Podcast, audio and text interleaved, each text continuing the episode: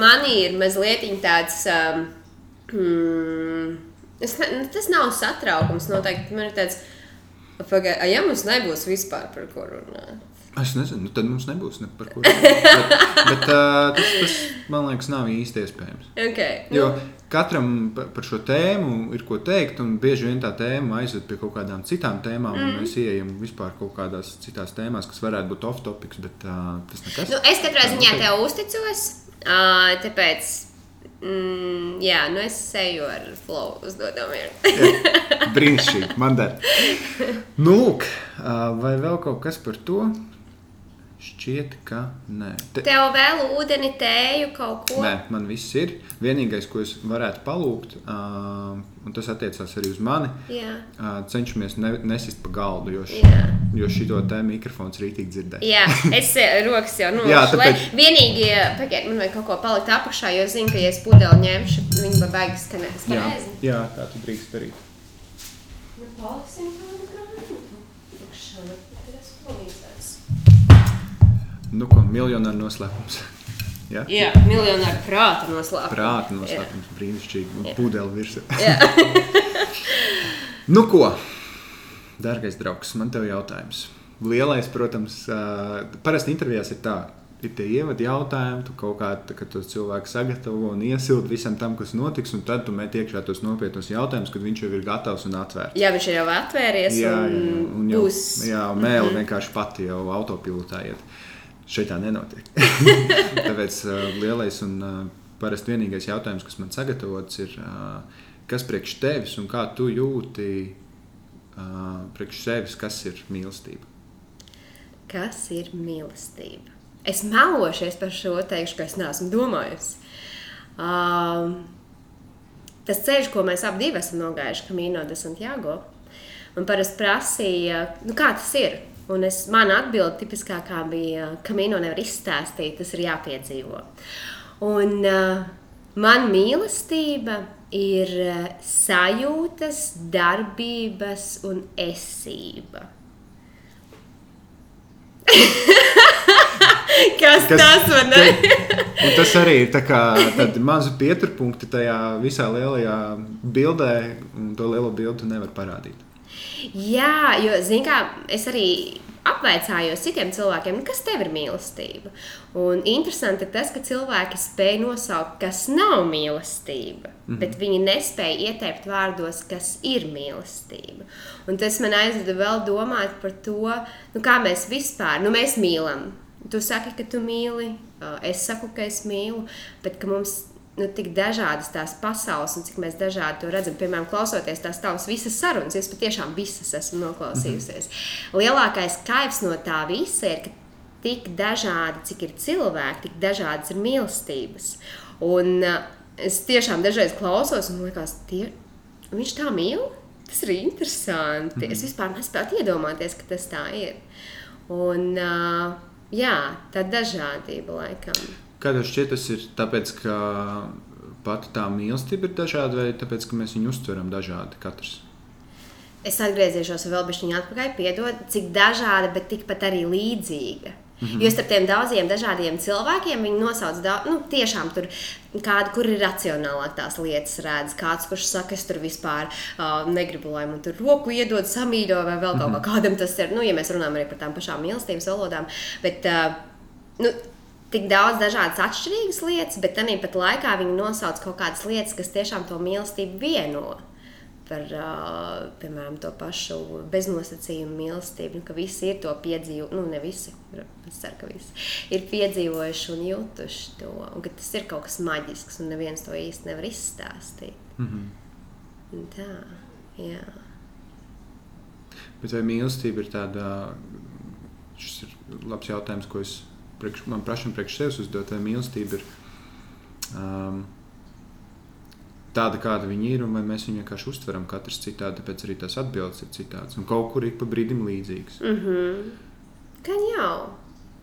Man jau vispār liekas, nu kā, uh, mums jau paņemam par piemēru kamīno ceļu. Mm -hmm. Kamino ceļš ir uh, no punkta A līdz punktam B. Vienādi kalni, vienādas vietas, kur palikt, vienādas upes. Jā, laika apstākļi ik pa laikam atkarīgs, kurā gadu laikā tu ej. Mm. Bet, ja mēs ietu vienā un tajā pašā laikā, izietu vienā un tajā pašā dienā, mm, ar pāris metru at attālumu, noejot to ceļu, tu par kamīno stāstītu vienu stāstu, es stāstītu pavisam citu. Kaut gan ceļš ir viens un tas pats. Mm -hmm. Un tad man liekas arī par mīlestību. Mīlestība ir viena tā pati.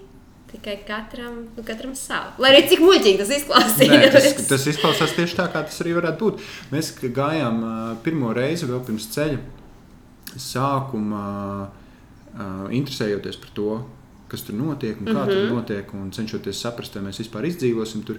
Um, tā viena no būtiskākajām atziņām, pie kā es nonācu, ir tā, ka ceļš katram savs. Mm -hmm. Tieši tā kā tu izstāstīji, ka mēs varam iet vienā laikā, tur dažu metru, kilometru atstarpi, bet mēs katrs par to stāstīsim kaut ko savu, un mm -hmm. citādi to kaut kā sajutīsim.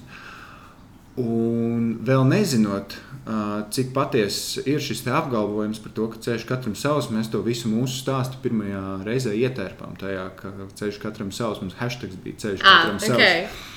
Un šogad, šogad jau dodoties, man arī bija. Nu, es jau zinu, ka būs katram, katrs to kaut kā jutīs pa savam, un, un pat priekš tevis, ja tu tur atgriezies, tas ceļš atšķirsies no tā, kāds tev bija pirmo reizi.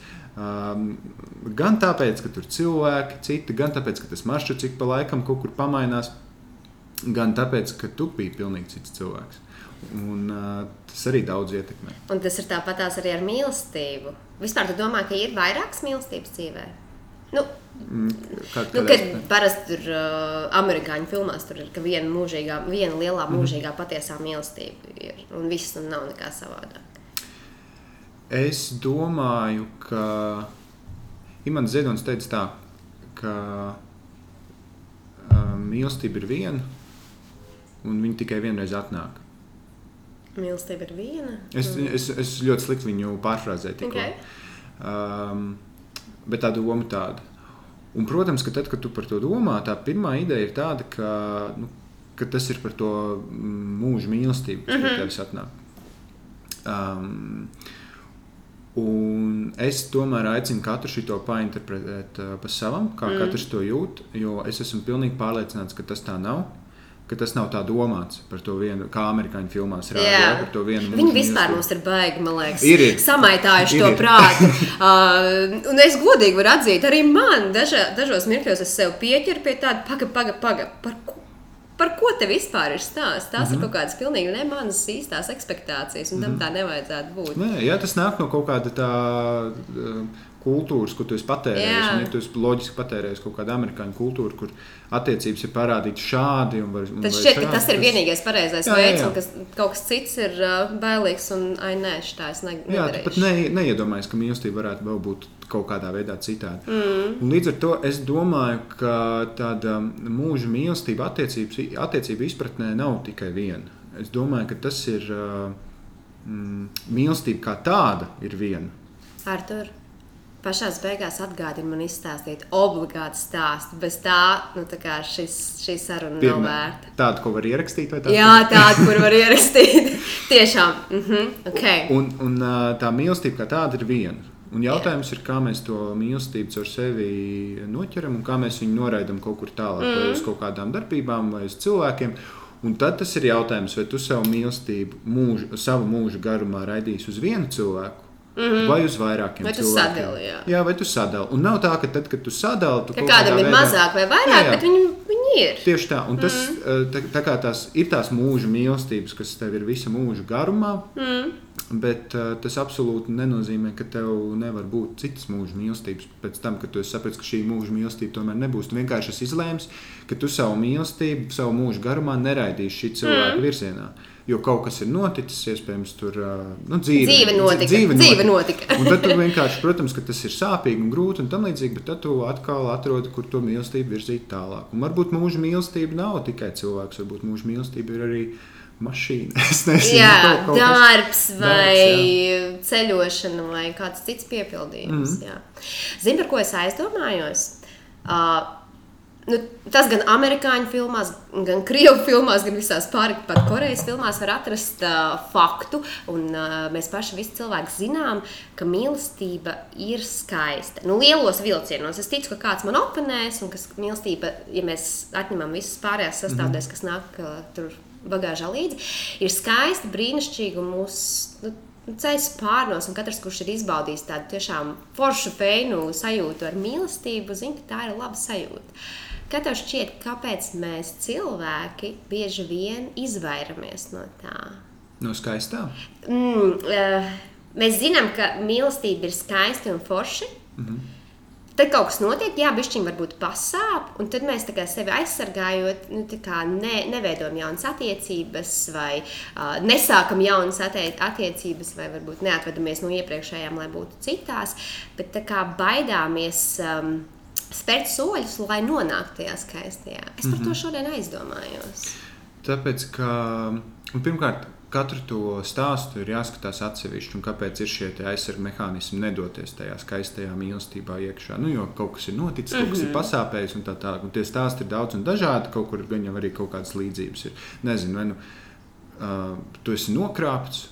Tu ja, tagad ir teikts, ka nākamajā reizē būs tāpat. Nav teikts, jā. Nav Tie jau veido, tu... veidot var savādāk. Jā, jā, jā. Tā ir. Vienreiz jau tu tur biji, nu tad jā. kaut kas savādāk. jā, tā, tā, tā ir, bet um, tas nenozīmē, un tas tevi nevienmēr iedrošina spērt to soli, lai nonāktu, noticēt tam, ka tomēr var būt citādi. Jā. Jo tā pieredze ir bijusi tik grūta un tik sāpīga. Jo, um, protams, ka mēs uz, skatoties uz mīlestību, mēs lielākoties, ja mums ir pozitīva pieredze, vairāk, um, vairāk nekā sliktās pieredzes, tad mēs viņu redzam kā kaut ko ļoti tīru un gaišu. Jā. Bet uh, tā kā viss ir balansā. Un nekas nav tur. Simtprocentīgi tīrs vai simtprocentīgi tumšs. Tas nozīmē, ka arī mīlestība savā būtībā ir ļoti balansēta ar uh, visu, ko viņi nes. Un tur ir tās brīnišķīgas, skaistās lietas, pēc kurām mēs visi ļoti gribam un ļoti tiecamies. Uh, bet tas viss nes līdzi arī kaut kādas grūtības un sāpes, ar kurām mēs saskaramies dzīves laikā. Un nevar, es, es neticu, ka tu dzīves laikā vari iet mīlestības ceļu, vai, mm -hmm. vai sākt viņu iet un netikt sāpināts. Vai nu tad tev ir simtprocentīgi veiksme dzīvē, vai es nezinu, tas vienkārši mēs kā cilvēki, nu, tas nav iespējams. Tev kaut kur, kaut kādā brīdī pasāpēs. Un tas ir ok. Un tas ir ok. Jā. Un tāpēc, tā kā ir šīs grūtās pieredzes, mm. un kā jau es teicu, tie stāsti ir daudz un dažādi, reizēm tās mūsu grūtās pieredzes mūs, mūs baida un mums neļauj iet to ceļu, atsākt iet. Un tad tas prasa laiku, kamēr tas atkal notic. Tad, kad es gāju pirmo reizi Santiago, es gāju ar vēlmi atkal iemācīties mīlēt. Okay. Jo manas pieredzes man bija novedušas tik tālu, ka es vairs nejūtu neko. Mm -hmm. Man stāv pretī meitene, kas man saka, ka viņa mani mīl, un es nejūtu neko. Es saku, paldies. Es pat nevaru neko pateikt, man ir tāds, nu, un, un, un tas ir nevis tāds, ah, nu, diemžēl, žēl. Es tā nejūtos, kas būtu ok, jo tu tā nejūties. Jo tā arī ir sajūta, nejusties kaut kā. Yeah. Tu nejūti neko. Un tad es pieķēru, ok, ir slikti. Man ir jautājums, vai pēc tam, kad tu sajūti šo nu, neko, ka tu nemāki, vai ne nemāki, bet vairs negribi mīlēt. Nejūti. Nejūti mīlestību. Bet pēc tam mm, pie tevis atnāca mīlestība. Jā, caur, nu, caur ceļu. Caur, pirmkārt, tev pašam ir tas ir liels darbs ar sevi. No ārpuses nekas tā nemainīsies. Neviens pie tevis tā ne, pie tevis neatnāks. Pat ja pie tevis atnāks cilvēks, ar kuru tu varētu būt kopā un mm. kur tu varētu mīlēt, tu esi tik ļoti sačakarējies savā tajās pieredzēs, un domās un sajūtās, ka tu pat nevari tam cilvēkam neko iedot. Un tas ir lielā mērā saistīts arī ar sevis mīlestību. Yeah. Un, ja tev tas viss nav, uh, tu nevari kaut ko dot pretī, kas ir mīlestība. Mm. Uh, Un tas, kāds tu esi, ir pateicoties tām visām pieredzēm, mm. un kā tu tās pieredzes, kā tu ļauj tām pieredzēm tevi ietekmēt. Un tad sākās tas darbs ar sevi. Un reizēm mums vienkārši pietrūkst tā spēka, vai zināšana, vai vēl kaut kas, vai apstākļi nav tādi, lai mēs varētu pastrādāt ar sevi, iemīlēt sevi mm. un tad doties tajā mīlestības ceļā. Tāpēc arī reizēm tie cilvēki, kas netic uh, mīlestībai uh, vai, vai tam līdzīgi, tas nāk no kaut kurienes. Man vēl nav baigi daudz gadu, bet uh, tos, kurus es esmu dzirdējis, šos stāstus, kāpēc es tev jautāju, vai pēc tam tev atnāca mīlestība. Jo, nu, ļoti daudzi, kuri atmet cerības uz mīlestību, viņi saka, nē, viss man pietiek, es dzīvošu viens, viena. Būšu laimīgs tāpat. Mm -hmm. Paiet kaut kāds noteikts laiks, X, nu viņš ir atlaidis to visu, un viņam tas otrs cilvēks atnāk un atnāk mm -hmm. tāds, ar kuru uh, Nu, ir skaidrs, ir perfekts match. Nu, labi, es pārspīlēju, tagad tur nav jābūt arī līdz mūža beigām, bet nu, ir, ir, tās, -hmm. uh, ir tā īstā mīlestība uz to mirkli. Un tas man liekas ļoti skaisti. Un te uh, es paturpinot sevi, es nemāku neticēt mīlestībai. Mm -hmm. Man ir bijis tāds, viss man vajadzētu noskaņoties tā, ka viss es neticu tam un tā, un tad es pasēžu. Pats, bet es ticu, es zinu, es zinu, ka ir ka ir jābūt um, cilvēkiem, enerģijām, ar, kurām, ar kuriem tu satiecies.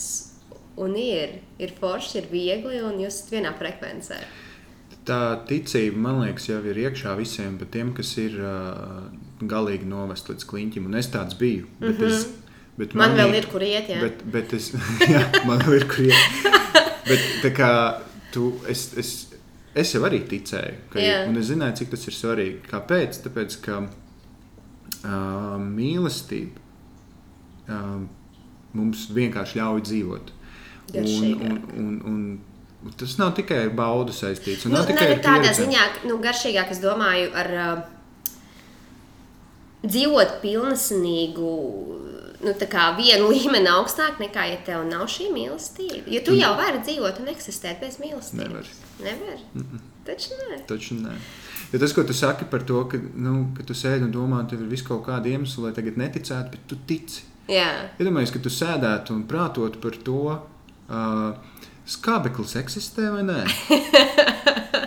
Un tev nav super daudz laika par skābekli padomāt, elpot vai neelpot. Nu, tev viņš vienā brīdī vienkārši viss, un tu esi beigts. Yeah. Ar mīlestību ir tas pats. Ne, tas ir kā skābeklis. Mm. Cit, cit, uh, citi cipari, ja? Cit, yeah. uh, cits ķīmiskais sastāvs un uh, cits ietekmes uz mums, un bla, bla, bla. Bet tu nevari. Tiklīdz mm. tu esi absolūtā nemīlestībā, un uh, tu, nu, tu aizies bojā. Mm. Un tā ticība, tas nāk mūsos tāpēc, ka tas ir pašsaglabāšanās instinkts. Es ticu, es ticu, ka var. Un kaut pat līdz dziļākajā tumsā esot, ir tāds, es ticu, ka tā gaisma ir kaut kur. Nav variantu. Mm. Jo, ja viņas, jo, ja viņas nav, nu, tad gan ir. Kur man iet? Tad? Ja, mm. mēs, ja tu esi tumsā, tev jāatrod gaisma, un tu beidz ticēt tam, ka gaisma ir. Kāpēc tu iet kaut kur tālāk? Yeah.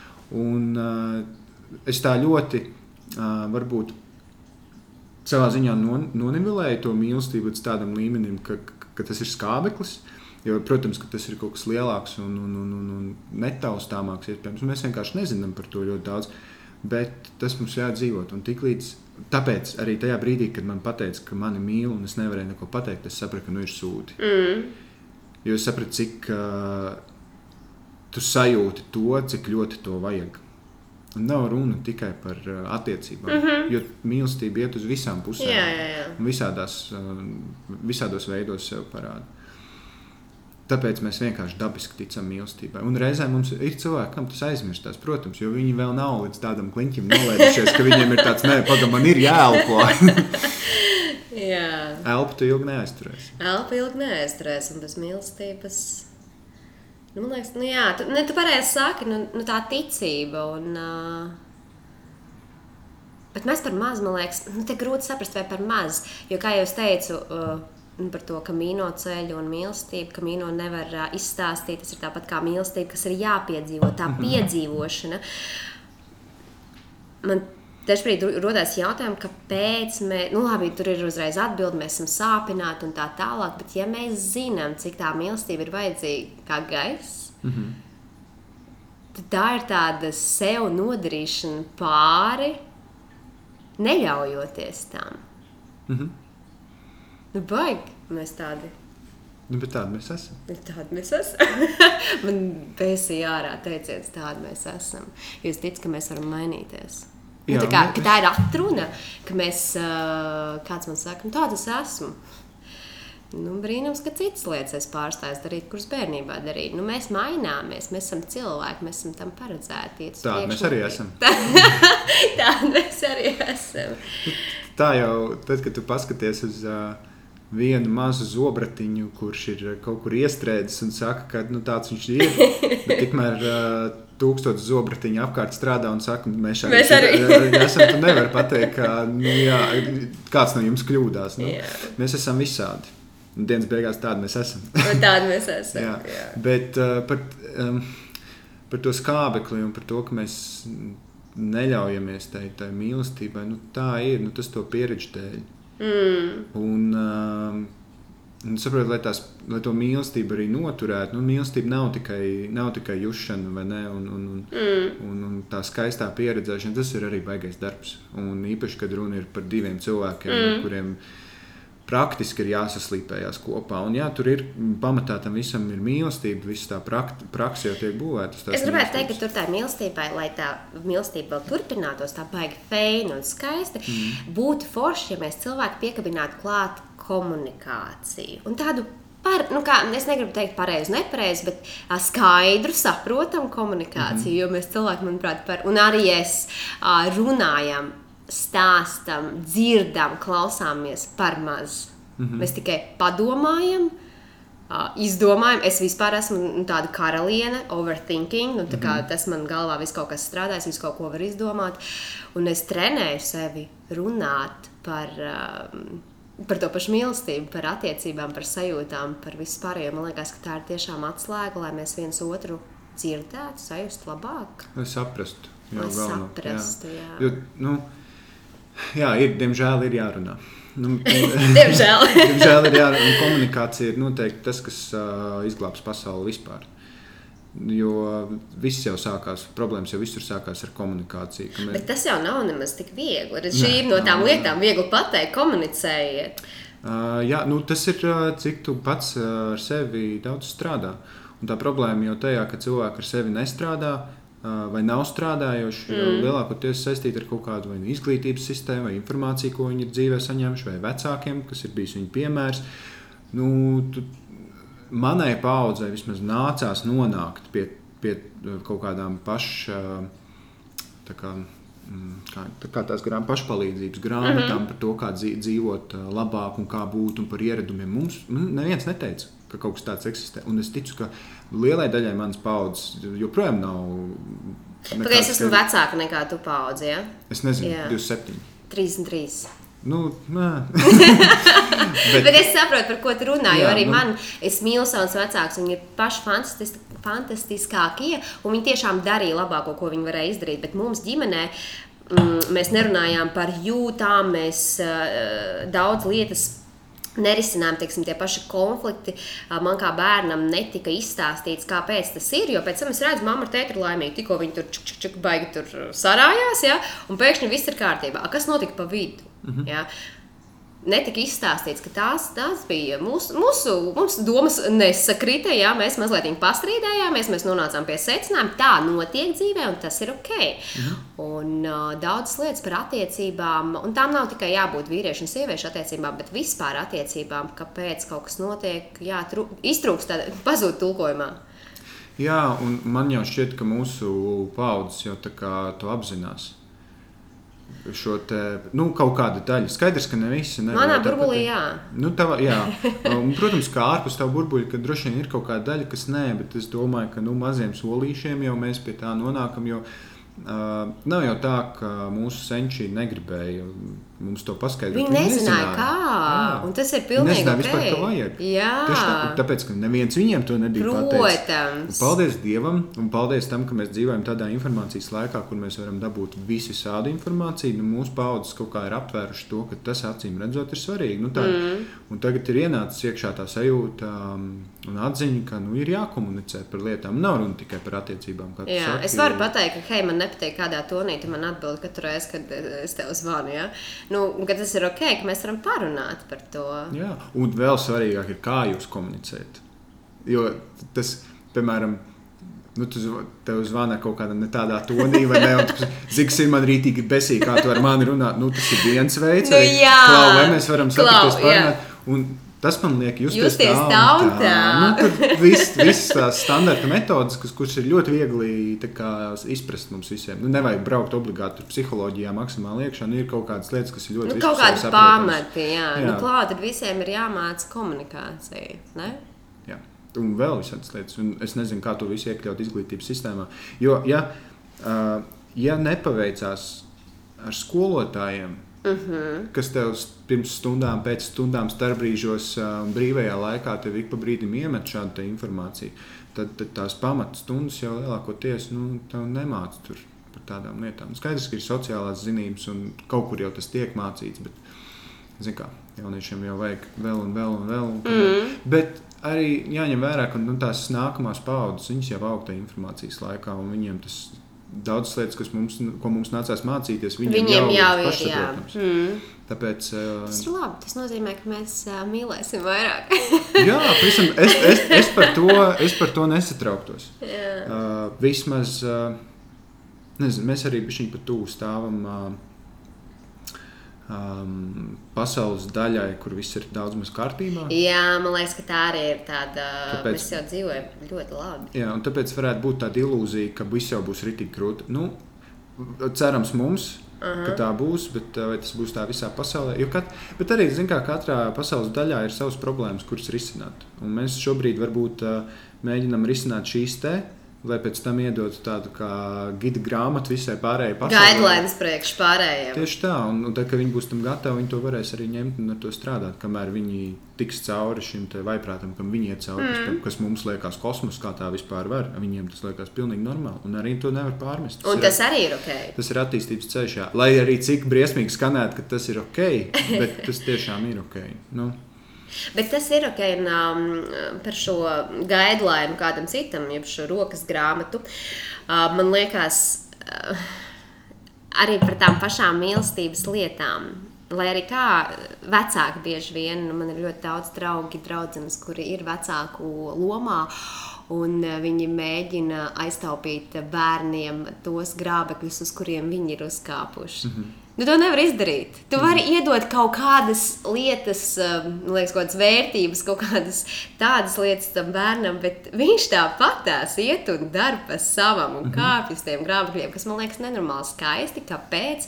Tāpēc, ka tas, tas mm, klišejs, ka tas tauriņš, kurš tur no tā kokona cenšas ārā tikt, tas ir viņa ceļš. Viņam, lai viņš būtu ar spēcīgiem spārniem un lidotu, viņam tas ir jāaiziet. Un tāpat tās arī mums par tām mīlestības, man liekas, ka- es nezinu, kāpēc, bet man vienkārši atnāca ā, par tām mīlestības pieredzēm, sauksim viņas tā. Nu, viņas ir nepieciešamas, lai mēs kļūtu par to. tieši tā, nu, tas jau, ko tu Jā. pašā sākumā jau teici, nu, ceļu nevar izstāstīt. Jā, Nu, viņš ir jāpieredz pašam. Nu, tas tieši tas pats. Nu, es tev varu pastāstīt par visādām praktiskām lietām un uh, maģiskām lietām ceļā, un ko darīt un kā nedarīt. Un, uh, tu manī vari klausīties vai neklausīties, bet tas ir jāpieredz pašam, lai tā pa īstam tā noticētu. Un lai tas tev kaut kā iedotu to nepieciešamo pieredzi tālākai dzīvei. Mm. Uh, es, piemēram, uh, pat esot pirms tam tur bijis, šogad atgriežoties, pieļāvu. Kaut kā nu, ļoti elementāri kļūt, man so- somma bija krietni smagāka nekā viņiem. Nopietni? Jā, un tā kā es zināju, es biju bijis ceļā. Jā, tas ir pirmā, un tā, kā tas ir tas uh, grābeklis, uz kur tu esi uzkāpis uh, Atdevēju vēl vienreiz. Jā, kamēr tu saproti, kamēr bija daudz citas lietas, kuras, paldies Dievam, es zināju, ka tā nedrīkst darīt. un Tas jau ir mazāk par somu krāpšanu un kaut kādām praktiskām Jā. lietām, kas man ļāva to, to visu izdzīvot. Un pat manam pagātnes es, pieredzot kaut kādas grābekļus, tomēr tev vai nākotnē arī viņas iespējams vajag pieredzēt, lai tu čisti iemācītos. Bet tas tāds sīkums, kas nu, smagā soma. Bet tur arī īstenībā baigi mistiski ar, ar, tam, ar to smago somu, ka man nācās krāpēt ārā un es sapratu, Ko ko tu es. paņēmi par daudz? Um, it kā neko. nu, es, es izkrāpēju ārā, nu, zini, kā. Ko tu esi- atstāji? Tu esi nogājis pirmo dienu. Jā. un, Protams, ka tu kāpjot Pirenejos, tu jau jūti katru lieko gramu, kas tur ir. Un uh, tu apsēdies uz gultas, alberģē, pēc tās pirmās dienas, un izkrāmē visu ārā un sēdi un domā tā, Ko atstāt? ko, ko lai es atstāju. Tā, man ir uh, četri krēkli. Es zinu, ka pietiek ar trīs. Jā, Ok, viens. tas, tas ir ārā. Spānijā varētu būt karsts, vai man vajag šo te termokrēku? Ok, pieņemsim, ka vajag termobiks. Jā, tās vajag, jo tām tur var iegulēt, bla, bla, bla. Jā. Man bija divas grāmatas līdzi. Nesmagas. Okay. Nu, kā nesmagas? Nesmagas. Nu, kā var grāmata būt Tāpēc, nesmaga? ka viena bija ļoti, ļoti viegla, No mīlestības taisīt? un otra bija paperbacks. Un, Ah, ā, ok. Tā viena grāmata, es no viņas izplēsu ārā tikai tās lapas, kuras man vajag. Jo tajā grāmatā kaut kāda 50% no tā, kas tur bija, man bija ā, ļoti, ļoti vajadzīgs. Es pirms ceļa to biju izlasījis, es sapratu, cik tas man ir ļoti vajadzīgs, bet ne visas tur daudz lietas, tā, ka man vispār nerezonē. Un es izrāvu ārā tikai to, kas okay. man bija vajadzīgs. Okay. Uh, tas bija kaut, kas, kaut kāds svars, es nezinu. Un tad bija tā otra grāmata, kas bija uh, Domā kā mūks, Jā, kas man bija super lieliska mācība ceļā. Es to grāmatu stiepu līdzi. Es viņu biju nopircis pirms ceļa, es viņu pirms ceļa mēģināju lasīt, man bija nenormāli garlaicīgi. Mm -hmm. Un es Un es sēžu, nu kā loģiskais ir tas, ka nu kā jāmet tā grāmata ārā, bet negribās. Nu, tāpēc, ka tur ir simt punkti, ir vērtīga informācija iekšā, kas man ir vajadzīga. Un es tādām grāmatām, ko es pieķēru sev pie domas, es tādām grāmatām izgāju centās reizes cauri. Un kāpēc Jā. man ir garlaicīgi? Tāpēc, ka es cento reizi jau lasu vienu, Vienu pašu, pašu. citiem vārdiem. Mm. Un es beidzot iebraucu, ka neviena, es esmu to informāciju jau gana sasūcies. Es zinu, kas ir tajā grāmatā. Un ka nākamais solis ir vienkārši tā kā, to, tā kā man vajag praktizēt tās lietas. Jo viens ir zināt, otrs Jā. ir praktizēt. Un problēma, kāpēc es pērku tās grāmatas vēl un vēl, es meklēju kaut ko jaunu, lai gan man vajadzētu vienkārši praktizēties. Jā. tajā, Un viss. jo tu jau to visu zini. Jo es to visu jau zinu, un kāda jēga tad man to grāmatu stiep līdzi, man palika tik viegli. Es sapratu, kur es vairs naudu netērēju. Un, un es to grāmatu vienkārši noliku. Un es viņu labprāt būtu kādam atdevis. Jā. Jo Bet tu varbūt- atstāji noteikti tajā vietā, kur var. Uh, kur izkastējot. Jā. Lai cik tic, ma- tici man, man tā kā es domāju, ok, vai šis ir pareizs. Tikko bija Lauris nosodošais skats. Jā. Sorry. Ne jau tā. es uh, ilgi domāju, vai tā kā viņu, kur viņu atstāt. Jā. Es sapratu, ka nevienam viņu šeit nevajag. Nu, nevienam, kam viņi bija latviski. Nu, kam viņu šeit vajag? Nu, Nu, sorry, nu, un man bija tāds, es zinu, es Papīra apzinu. gabaliņi, Jā, tā. Tieši okay. tā, ar kaut kādiem burtiem virsū. Un nu, es izcēlu kaut kādas 2 līdz 3 kg. Wow! Es tā biju, es nenosvēru, man bija bail svērt, bet es, es Jā. tā uz rokas jūtu. Ok. Dzīve bija tik labi nākamā diena. Vai ne? Mm. Un par atvadīšanos paturpinot, jo man uzreiz atnāca flashbacks no mana ceļa, un to es sasaistīju ar dzīvi. Cik grūti mēs atvadāmies no mūsu pieredzēm, cilvēkiem, lietām, nu, cik mēs viņiem ļoti pieķeramies. Jo kamīno desmit jāgot ceļš ir tas, kurš tev parāda, tik cik tev vajag, tik tev ir tajā mugursomā, mm. un viss. Mm. Un man sanāca piektajā dienā, nu, man tur man vispār tas ceļš bija nenormāli fēns, brīnišķīgs ar brīnumiem un tā tālāk. Uh, viens brīnums, kas nenotika, jo es gāju ar tādu mērķi, man vispār tulznes nebūs. Mm -hmm. Pēc pirmās dienas bija pietiekami daudz, un trešajā dienā es pirku jaunus apavus, mm -hmm. jo ar esošiem es nevarēju paiet.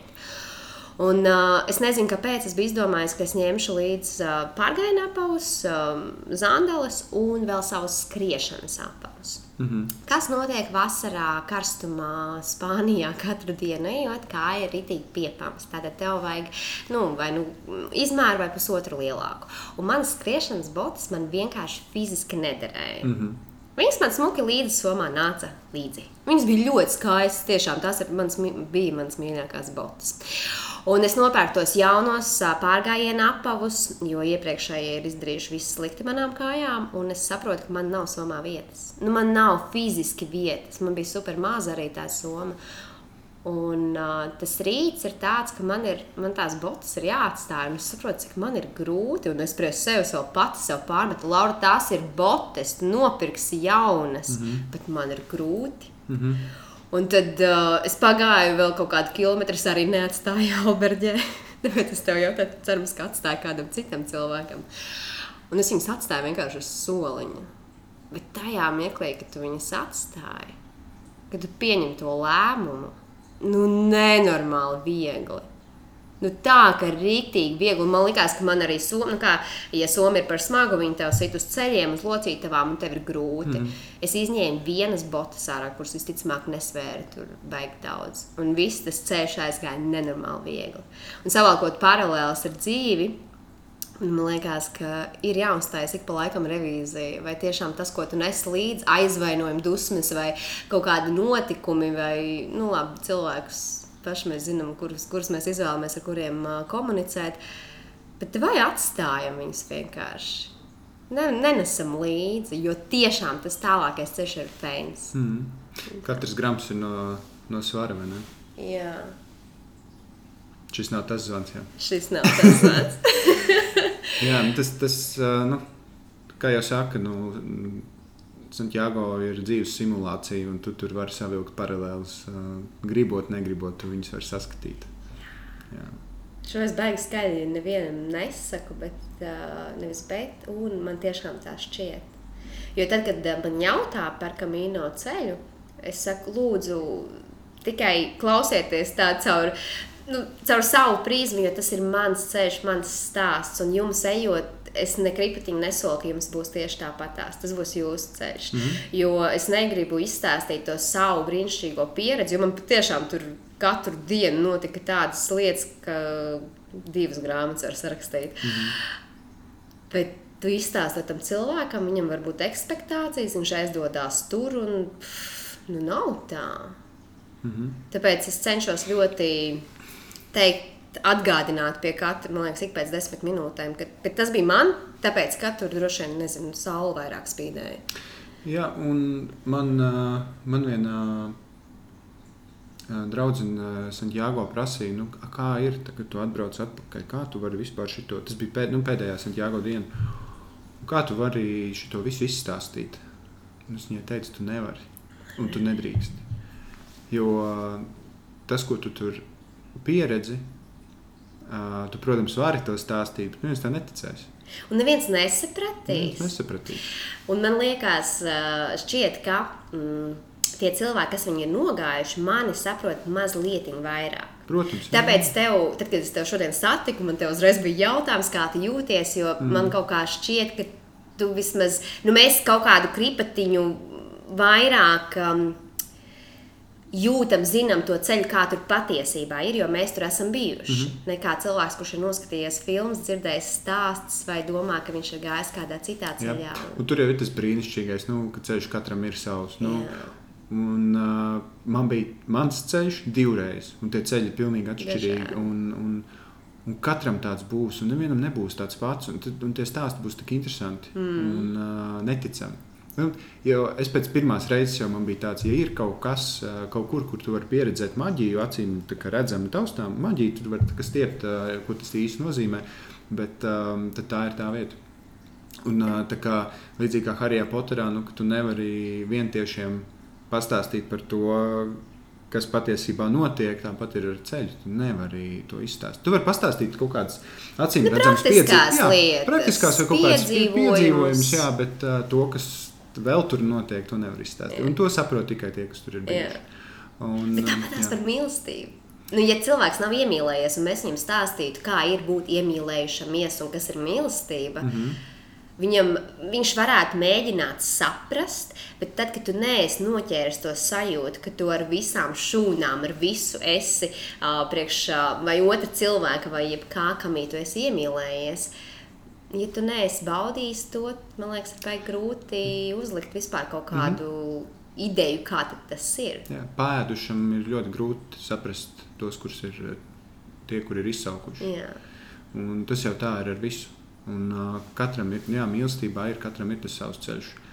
Un grūti reizēm, nu, notiek, zini, kā tu arī skat, tu jau redzi, kas notiek apkārt, un kādas ir citiem cilvēkiem attiecības. Un tu domā, kāpēc man tā nav?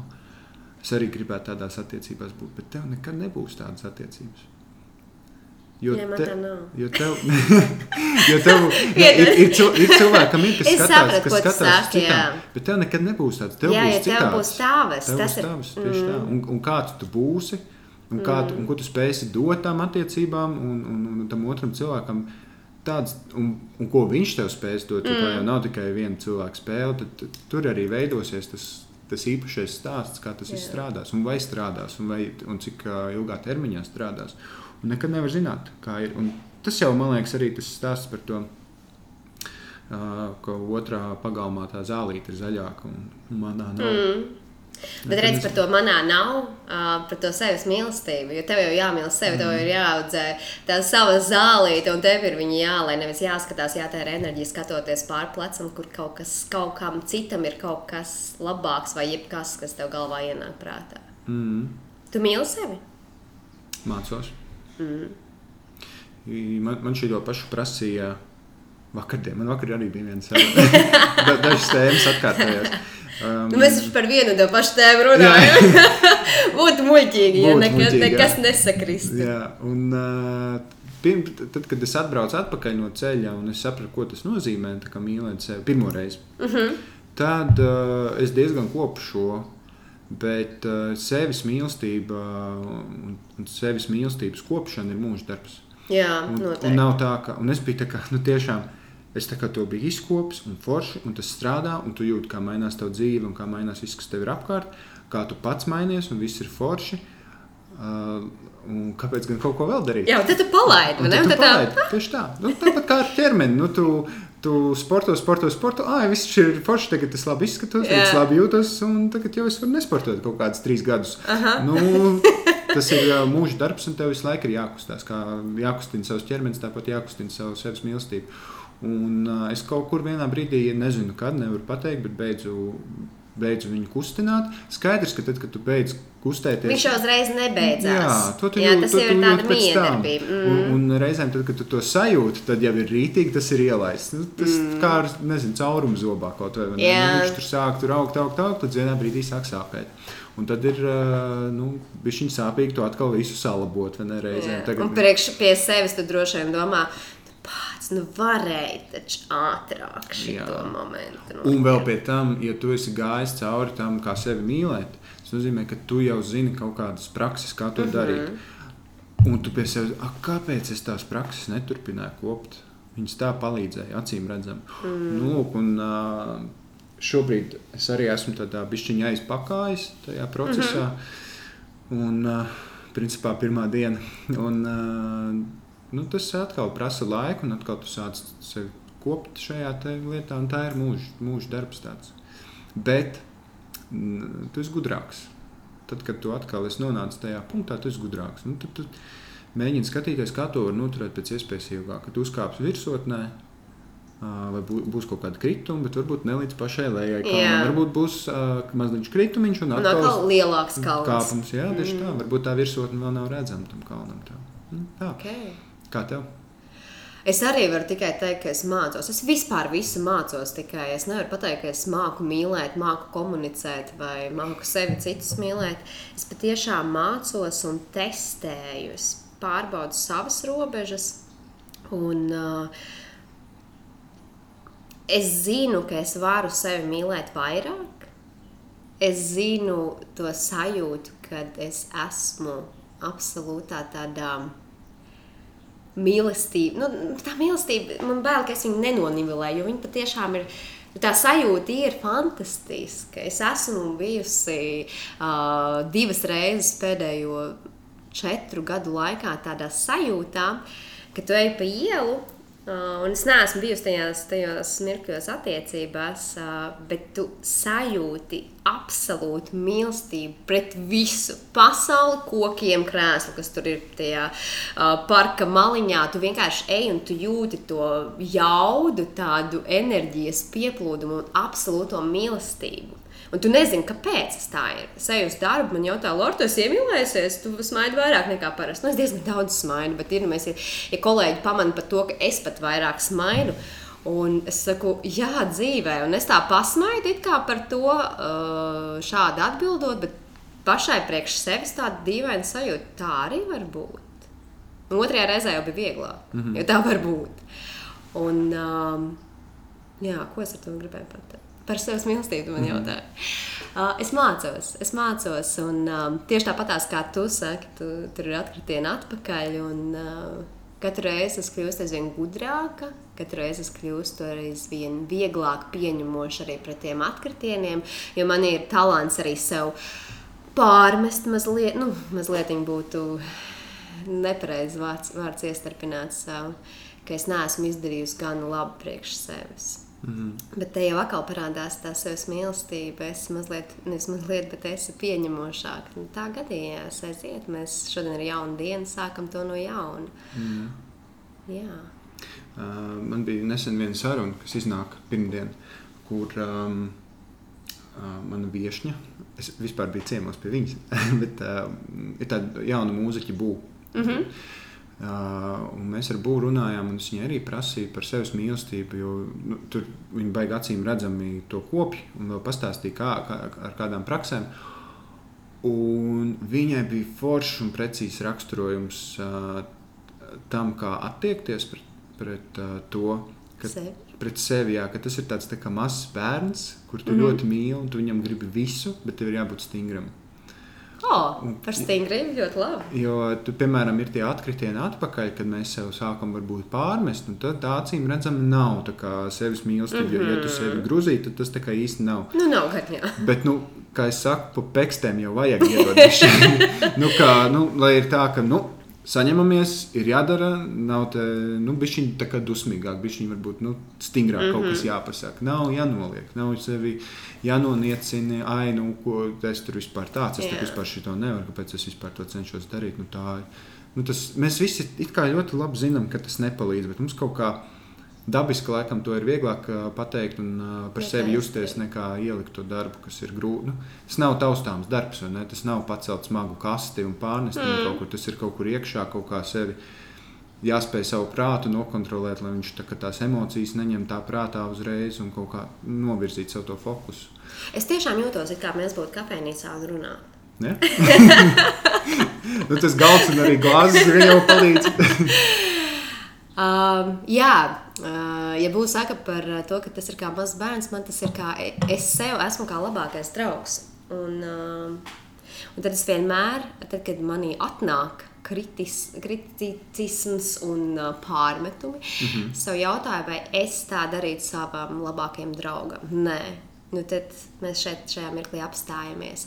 Un tāda atbalsta komanda, un es jau zinu, nu, tāda iekšējais dialogs ir starp to sevi un to savu labāko draugu.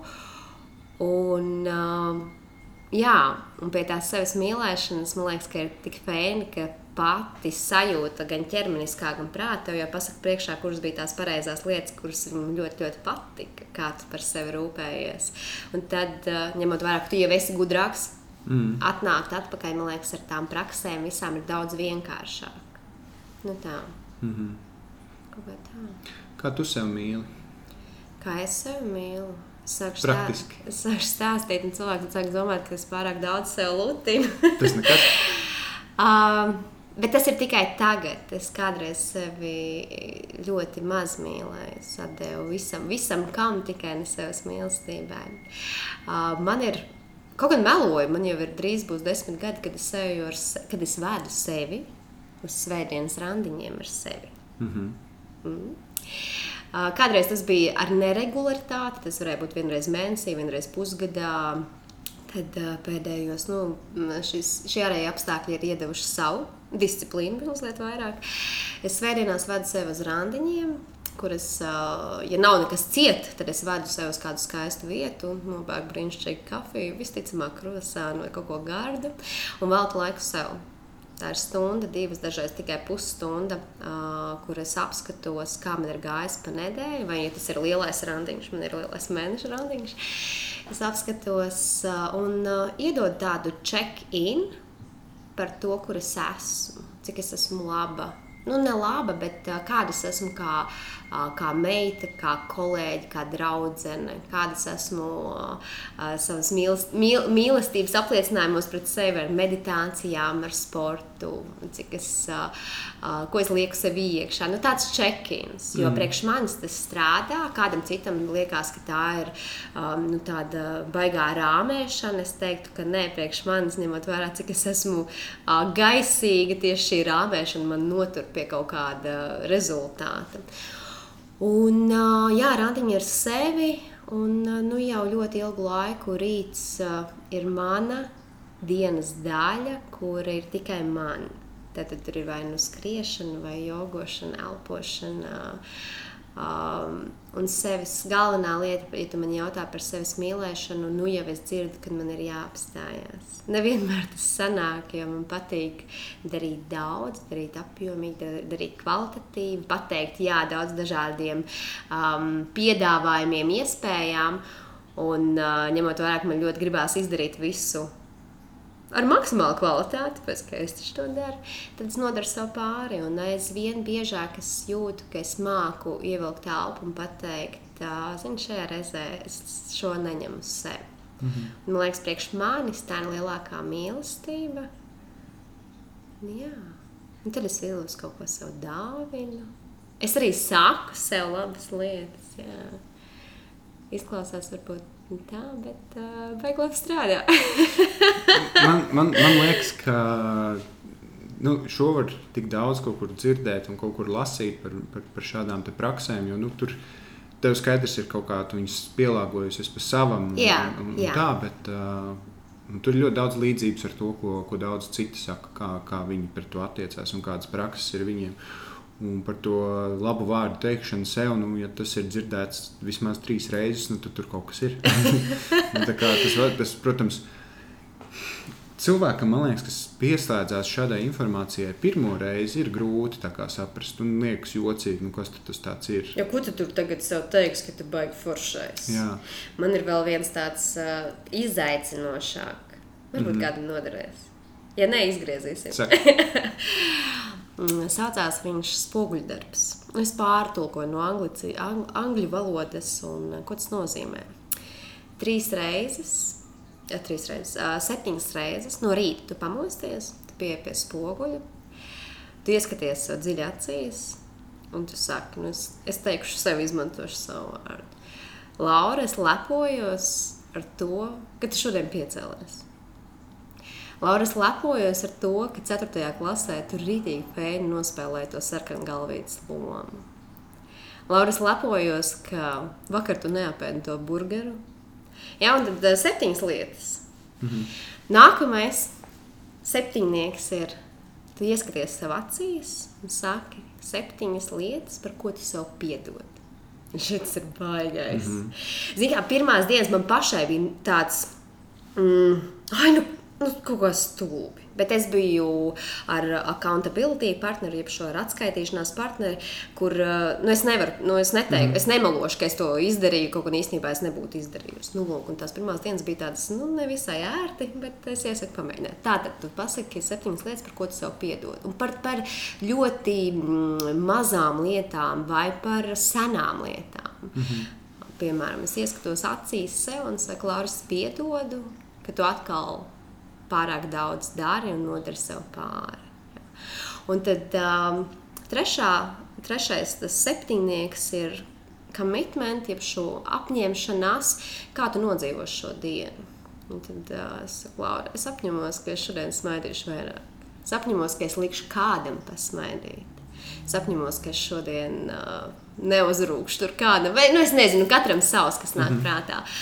Un, uh, Nu, ja vajag, es tagad saku septiņu, pamēģini ar vienu lietu. Ja? Pasaki, cik tu esi foršs, ko tu piedod un ko tu apņemies šodien izdarīt. Nu, es teikšu tā, manēji apkārt, manē, manā burbulī šo ir pamēģinājuši. Un te ir tas pats, ko tu saki. Un arī man tā ir, jo es tagad kādu laiku neesmu ar, ar šo strādājis, tāpēc, ka ir baigi forši. Un tad, kad ir baigi forši, mēs atslābstam. Bet tā, šī ir lieta, ko dara papraktizēt. Mm. Un tā sajūta ir ļoti laba. Ļoti laba. Tur nākamais uzdevums ir atrast to veidu, kā visas šīs prakses integrēt savā ikdienā un noturēt viņu. Mm, es to parasti, nu, es esmu tāds uh, ieradumu cilvēks. Es vispār mīlu ieradumus, un man liekas, ka ieradumi veido mūs. Mm -hmm. Un es tur noteikti esmu pārlasījusies, jau, jau pārāk daudz šīs grāmatas, bet uh, piesien pie savu ieradumu.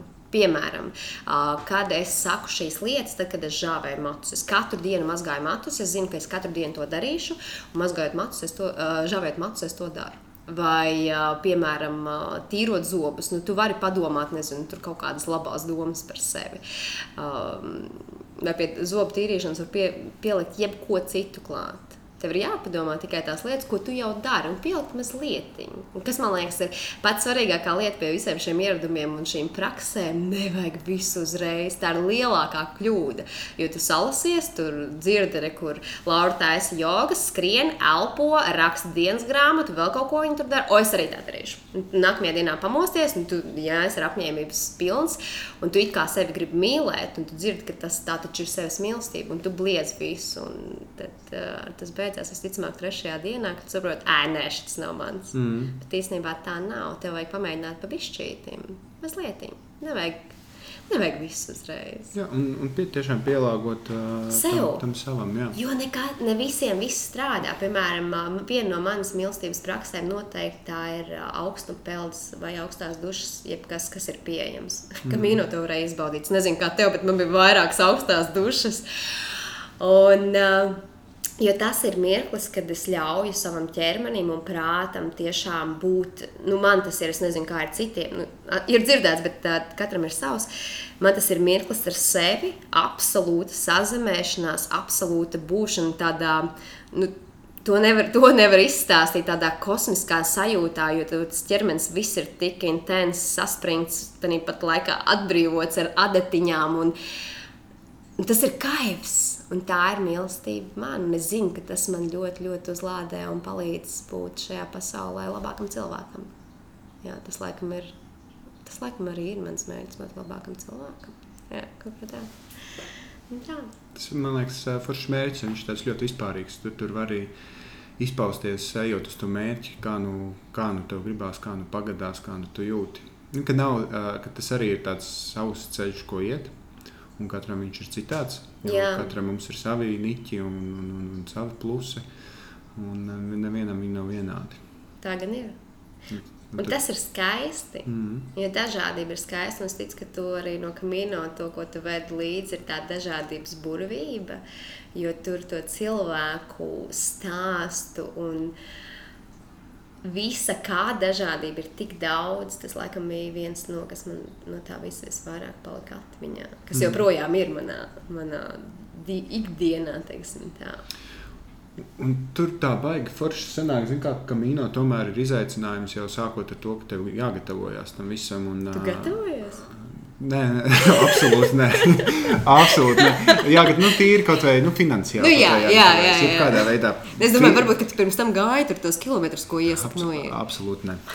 Uh, man, es to mēģināju pirmajā reizē, mm -hmm. bet uh, abas, nu, abas reizes es uh, jutos slikti dzīvē un par sevi. Uh, nu, tev tā mentālā kapacitāte pietiek tik, cik tev pietiek, un tev nav spēka vienkārši tam. Kur nu vēl ies kaut kur, vai ne? Iestaigāt apavus un kājas. Nē, kaut kāds būšits tas ir. Uh, un, uh, tas tā, tā visa gatavošanās, lai kāda arī viņa būtu, mm -hmm. uh, viņi ļoti izfiltrē to, kāda cilvēka aizbrauc uz turieni. Mm -hmm. Jo turpat līdz turienei tikt ir nenormāls čakars. Nu, vismaz līdz Sanģonai tika nenormāls čakars. Nu, man tas prasīja divas dienas, kamēr es tur vispār nokļuvu. Un, Kā tu tur? Nu, kad tu lido no, es tur, no ah, Rīgas, es sapratu, jā, es sapratu. No Rīgas līdz Barcelonai, jā, no Barcelonas līdz Pamplonai, no Pamplonas līdz turienei, un ar dažādiem transportiem, dažādiem veidiem, tu tā nevar. Tas nav tā vienkārši aizbraukt uh, trīs stundu braucienā vai jā. aizlidot līdz Londonai vai Milānai. Jā, un visi šitie, šitie visi apgrūtinājumi ļoti izfiltrē to, kā cilvēkus turien aizdodas. Mm -hmm. aizdodas tie, kas ļoti grib. Um, tas tā kā ar festivāliem. Nu, tu tur nesatiksi to pašu kontingentu, ko tu satiksi kaut kādā mazpilsētā. Tur ir līdzīgs mindsets. Jā. Un jūs tur esat savākušies ļoti līdzīgi, ar ļoti dažādām pieredzēm un uh, dzīves stāstiem un iemesliem tur būt. Bet, uh, nu, ir tās kopīgās lietas, kas jūs nu, nu, tur ir atvedušas un notur jūs kopā. Un, un, un jūs spējat iegūt kaut kādu tādu, nezinu, varbūt tādu ticības apziņu tam mindsetam, kāds jums mm. ir. Uh, jo acīm redzot, ir vēl kāds. Un tad ir vēl kāds. Un skaidrs, ka katram ir tās savas pieredzes, un, un tas ir daudz ko ietekmē. Bet, uh, bet, bet tas, tas viens mērķis kopīgais vieno. Jo es nezinu, not, noteikti varēs papildināt, bet man šķita dažkārt, nu, kā var būt tik labi cilvēki apkārt. Mm -hmm. Visi Un tur man ieslēdzās mazliet tāda salīdzināšana, jo man liekas, ka es varbūt neesmu tik gan labs. Es gan centos, nu, ne centos, bet es darīju labāko, ko es varu izdarīt. Mm. Bet man šķita, ka apkārt ir tiešām labi. Labi, jo labi cilvēki. Tev kaut kas iesāpās, tev no viena cilvēka ir ibumetīns, otrs cilvēks tev grib uh, piedāvāt masāžu, uh, jo viņš ir fizioterapeits, trešajam ir teipi, ceturtais uh, tev atnes uztaisītu pastu. Ja? Mm. Un tie cilvēki to dara nevis tāpēc, ka viņiem par to kaut kas būs. Nē, viņi vienkārši tādi ir. Viņi ir mm. labi un viņi grib tev dot labāko. Jā, un jūs visi, jūs visi esat vienā laivā tur. Un, uh, tur tā frāze, boja kamīno, un, un, un tā sajūta, ko tas iedod. Uh, Un tas, ka tu ej garām un tu redz, ka kāds. Tu pat nepazīsti to cilvēku, bet tu redz, ka nu, viņš ir apsēdies vai viss ir kārtībā. Tu apjautājies, jo tu zini, ko nozīmē, ja kaut kas sāp. Jā. Un tu zini, ko tas var nozīmēt, ja tas ir patiešām slikti. Un, uh, un tu gribi palīdzēt, lai kā tu varētu. Kaut vai ar atbalstošu plecu. Nu, ne, ne visi māca teipus uzlikt, ne, bet uh, vismaz kaut kādā veidā. Un, Un tas arī ļoti satuvina un parāda to, kādi, nu, cik cilvēki tomēr labi ir. Un arī kāds tu pats esi. Jā. Kā tu pats attiecies pret citiem cilvēkiem. Nu, tu redzi, redzi tās grūtības un ļoti gribās to pārnest arī uz sadzīvi. Um, un ikdienu, un kaut ko jau tu pārnes, bet tiklīdz tu atgriezies šeit, mēs gluži neesam visi vienā laivā.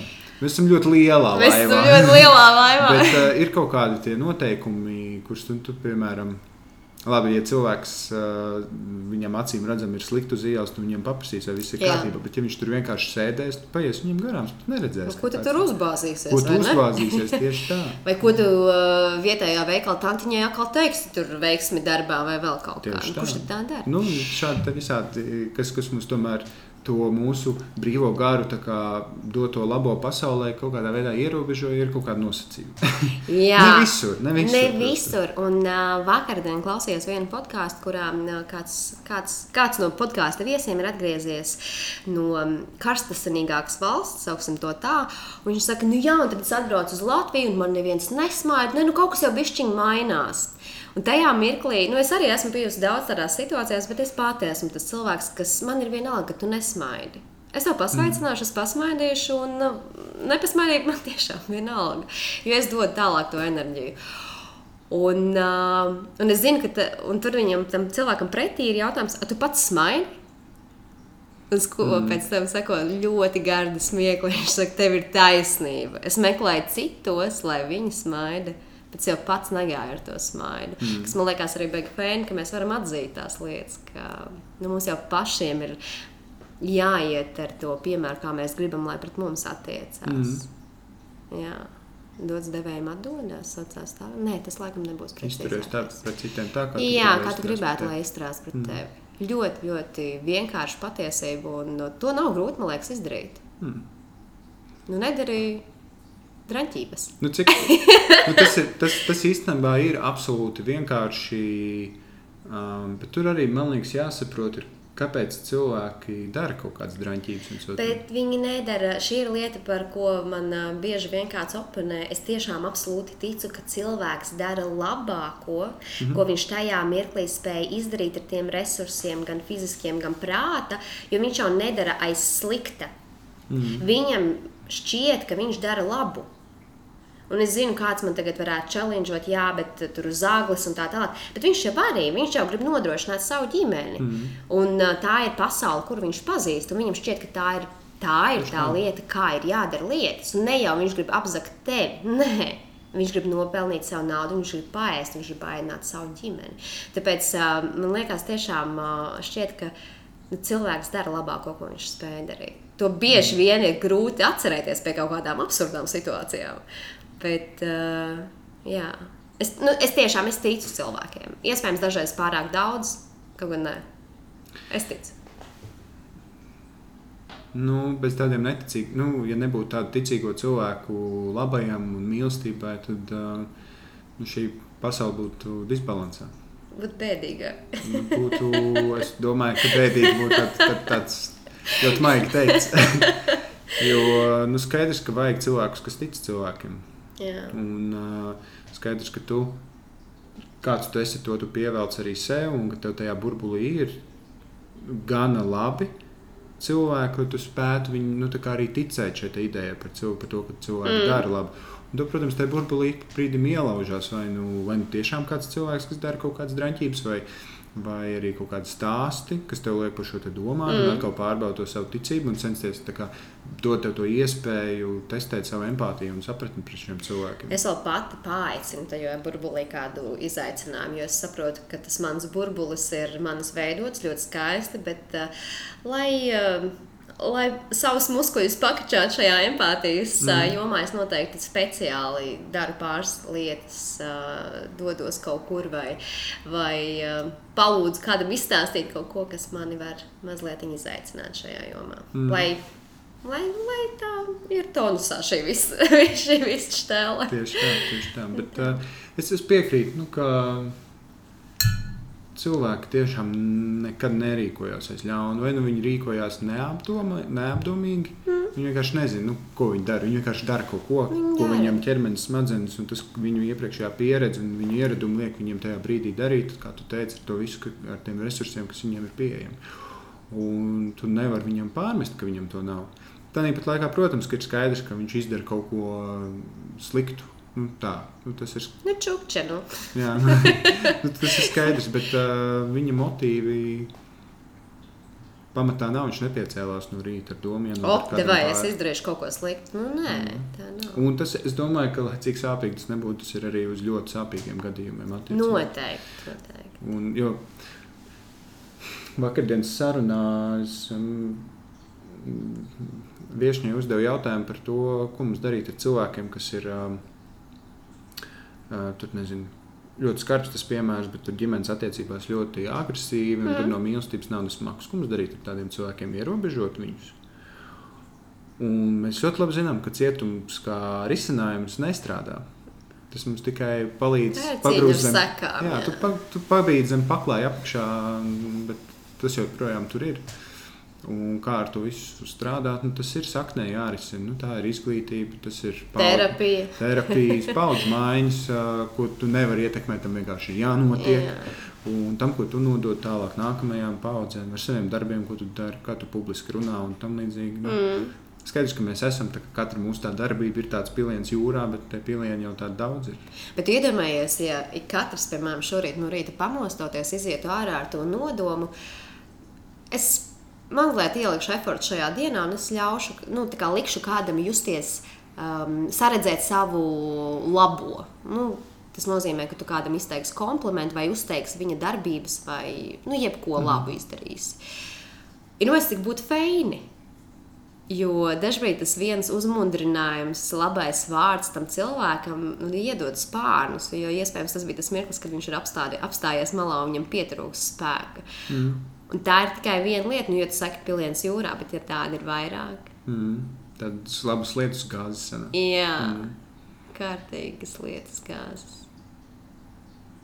Tā ir laba lieta. Jā. Kamēr mums vēl ir uh, laiks papļāpāt, es gribēju vēl par praktisko pusi pateikt. Mēs šobrīd runājam par, uh, es neteiktu, ezotēriskām lietām, bet nu, tomēr mazliet gaisīgi, kur tu vari atrast kaut kādu praksi. Bet par praksi runājot. Atcerieties, man vajadzēs desmit minūtes laika stāstā. Es mēģināšu astoņās. Labi, ātrāk praksa, ko tu esi iemācījusies uh, attiecībās, esot par praktiskām lietām. Skaidrs, ka pa pamatu ir viss tas, ko mēs runājām iepriekš, bet par tādām praktiskām lietām, kā attiekties pret otru vai mm, par sevi, mm -hmm. tam līdzīgi. Tas, ko es esmu iemācījusies līdz šim mirklim, noteikti ir, mēs atgriezīsimies to, to pieminēju, ir komunikācija. Es tiešām atskatoties, redzu, man ir bijuši tiešām brīnišķīgi cilvēki blakus. Fantastiski vīrieši, un paldies viņiem par to, un neko nemainītu. Tiešām, jo tās bija pieredzes, kuras bija nepieciešams piemin, piedzīvot. Un to, ko es tieši šodien zinu, un ka manās attiecībās, tajās, kurās es būšu, būs sarunas.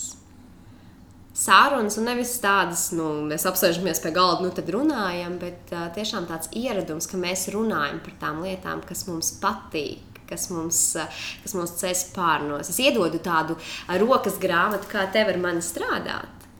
Un uh, tu iedod savai, un tad mēs ik pa laikam iečakojamies. Pagaidiet, ir ok, šis tev patīk, šis tev ceļ, bet lai nekļūtu tas kā tāds, nu, viss paredzams, uh, jo tas tā var izklausīties. Nē, manuprāt, otru sadzirdēt, sajust un um, zināt, kas jūs dara kopā, nu, kā pilnīgākus, saderīgākus uz vienu viļņu, ir ļoti liela vērtība.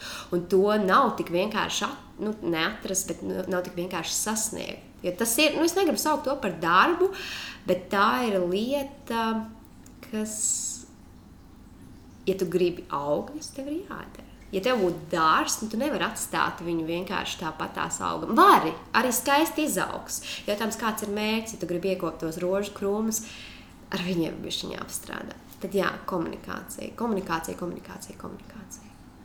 Un tas, ko tu piemini katrā mm, no sarunām par mīlestības valodām, Tu man nepajautāji, jo, zini, ka, jo mana atbilde ir, ka man ir visas piecas. Mm -hmm.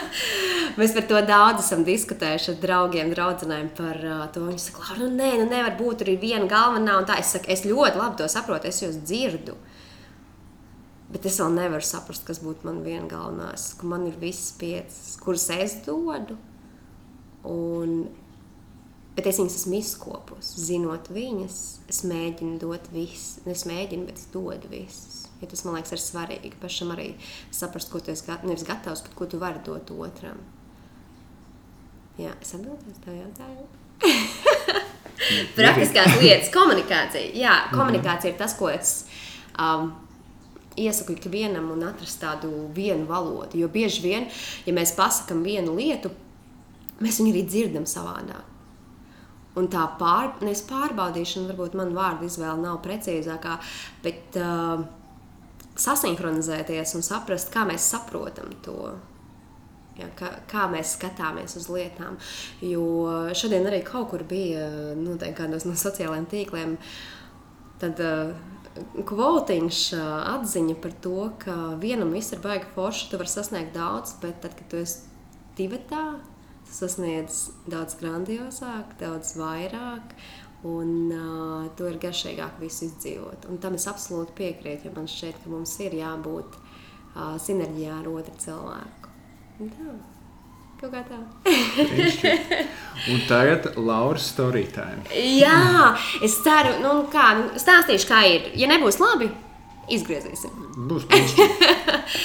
Stāst par to ticību mīlestībai, pēc šī stāsta dzird, tas ir patiesa stāsts. Šo stāstu dzirdēju Kamino. Mm -hmm. Tad divus, vairāk kā divus gadus atpakaļ. Un stāstu es dzirdēju no viena nīderlandieša, kuram ir nu jau Viņam jau ir 70 gadi. Nu, iedomājieties, tādu, tad, tad viņam bija, ah, nu jā, sanāk 69 tagad, tad viņam bija 67 gadi. Iedomājieties tādu onkulīti, vidējas miesas būves, viņam bārda tā tādam Ziemassvētku vecītim. Viņš ir sirms, sirms un pats tāds diezgan iededis ir. Un, uh, es viņu satiku kaut kad pusceļā, jo viņš vispār bija sācis savu kamino ceļu no Nīderlandes. Mm -hmm. Savos 60, tad 6 gados. Jā. Un, uh, Mēs viņu satikām, mē, ar mēs es saku ar tiem cilvēkiem, kurus mēs, es iepazinu tur. Un, kā jau pēc garas dienas mēs esam nogājuši ceļu un vakarā satiekamies kādā no kafejnīcām. Satiekamies kādā no kafejnīcām un mūsu galda tēma bija mīlestība. Un tad tur katrs dalās par stāstiem, par pieredzēm, kas tad, kas tad katram ir mīlestība, vai vispār baigta mīlestība. Nu, Tādas diezgan kārstas sarunas. Un, Tons, kurš ir šis Nīderlandietis, viņš starp mums bija vispieredzējušākais. Viņam, viņš bija vairākas vasaras nodzīvojis nekā mēs pārējie. Un viņš tā sēž galā galā un viņš jautā, jūs gribat dzirdēt manu stāstu? Un tajā mirklī viss tā pieklust. Mēs tā, nu jā. Un Tons saka, viņš pastāstīs, kā viņš iepazinās ar savu otro sievu. Jā, aiziet. Un Tons sāk savu stāstu. Tad, tad uh, Tona pirmā sieva, Lūsija, Viņš saka, brīnišķīga sieviete. Viņš saka, jūs nespēsiet iedomāties, cik viņa ir skaista. Ciemā, viņš dzīvo Nīderlandes ciematiņā, esot bijusi skaistākā sieviete, viņš saka, un es viņu aprecēju. Viņš saka, labāku cilvēku par Lūsiju viņš nav redzējis, jo viņa mājās vienmēr bija jautrība, pasākumi, ballītes, jo Lūsija bija tiksim, tā, tāda cie, ciema uh, māja mājas ballīšu karaliene, kur, kur vienmēr rūpējās par visiem. Viņa skaisti dzīvoja tās jaunības dienas, tad pieteicās bērni. Viņiem kopā radās četri brīnišķīgi bērni. Un uh, Tons pats ir angļu valodas pasniedzējs, un viņa tā dzīve bija iekārtot tā, ka uh, Tons strādāja skolā, pasniedz angļu valodu, un Lūsija savukārt rūpējās par par uh, mājas pavārdu, par četriem bērniem, kur, protams, bija, kur vajadzēja daudz uzmanības. Un, uh, tā viņi tiešām dzīvo ļoti, ļoti skaistu un brīnišķīgu uh, dzīvi, kad vienā dienā Lūsija atnākot no uh, ārsta apmeklējuma, ir konstatēts vēzis. Un uh, Lūsijai tie bija trīs mēneši, tieši tik ātri, tas viss beidzās. Tons gan pieminēja tajā mirklī, ka iespējams, ka tas pat bija labāk. Viņš saka, ja tas būtu bijis ilgāk, tas būtu bijis pārāk grūti. Un uh, Tons palika ar četriem bērniem. Jaunākais, manuprāt, bija pieci gadi. Un, uh, viņš saka, ziniet, kā ir. Tad, ja tu neesi mājās taisījis ēst, pēc tam ir baigi grūti to visu iemācīties. Bet viņš tika galā, viņš izaudzināja visus četrus bērnus, palaida pasaulē, kur nu kurais aizdevās. Viņš saka, tā ballīšu un mājas sajūta, ko, ko Lūsija bija ielikusi, vienmēr ir palikusi. Tāpēc, ka, bērni uz svētkiem vienmēr atgriežas, un viņš saka, tad ir pilna māja, un tur vēl mazbērni ir saradušies. Nu, tāds jampedrets nepajokam. Nu, lūk, un tā gadi iet, un uh, Tons tā piemetina, viņš saka, tad, kad jūs būsiet manā vecumā, jūs zināsiet. Ap tiem 60 jāsāk iet pie ārsta regulāri. Nu, lūk, viņš aiziet pie ārsta, pie savējā ģimenes ārsta, un uh, viņam ir veikts atkal kārtējās pārbaudes. Uh, Tonam tajā gadā bija apritējuši 60 gadi, un uh, viņa ilgadējais ārsts viņš saka, Ton, ar šādu veselību tu vēl savus 30 gadus nodzīvos.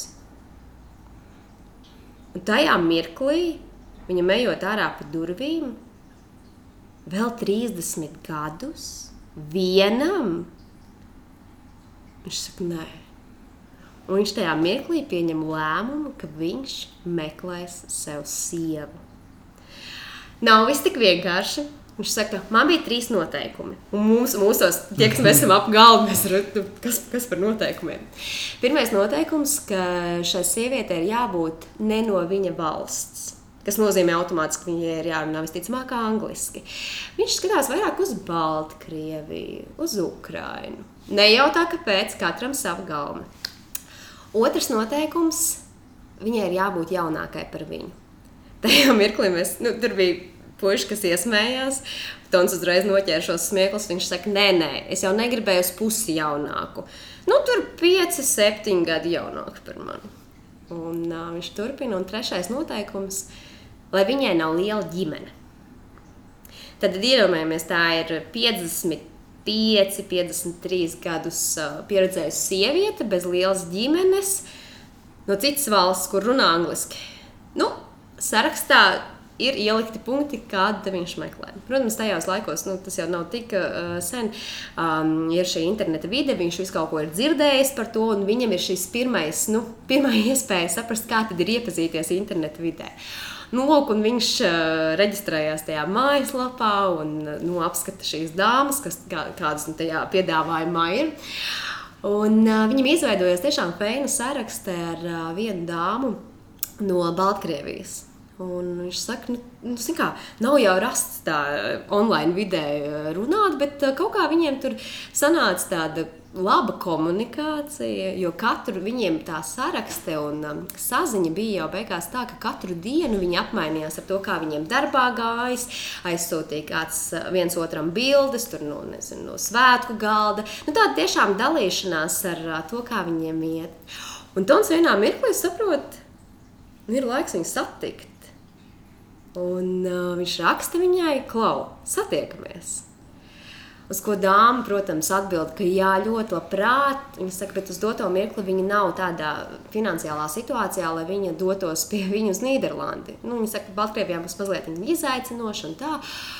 Un uh, Tons, protams, nu, viņš ir tiešām absolūts uh, vecā kaluma kungs, kurš ir absolūtais džentlmenis. Es domāju, ka viņam nevienā mirklī pat neienāca prātā, ka šī kundze maksās ceļu. Viņš saka, es tev nopirkšu biļeti, brauc pie manis. Domāts darīts, nākamajā dienā Tons iet pie sava banķiera. Jā, viņam ir banķieris. Un, uh, viņš uh, ieskicēja pāris lietas, nu, kam viņš to naudu sūta. Un, uh, un, un, un banķieris viņu apsveic. Viņš zina arī Lūsijas stāstu. Un uh, paiet, viņš uh, paņem to bankas kontu. Un tajā mirklī viņš saka, pagaidi, Ton. Un tad banķieris iziet ārā Tons redz, ka viņš zvana kādam, pēc pusstundas ierodas inspektors. Un izrādās, ka tā nav sieviete no Baltkrievijas. Tas ir krāpšanas kantoris, kurš šādā veidā izkrāp naudu.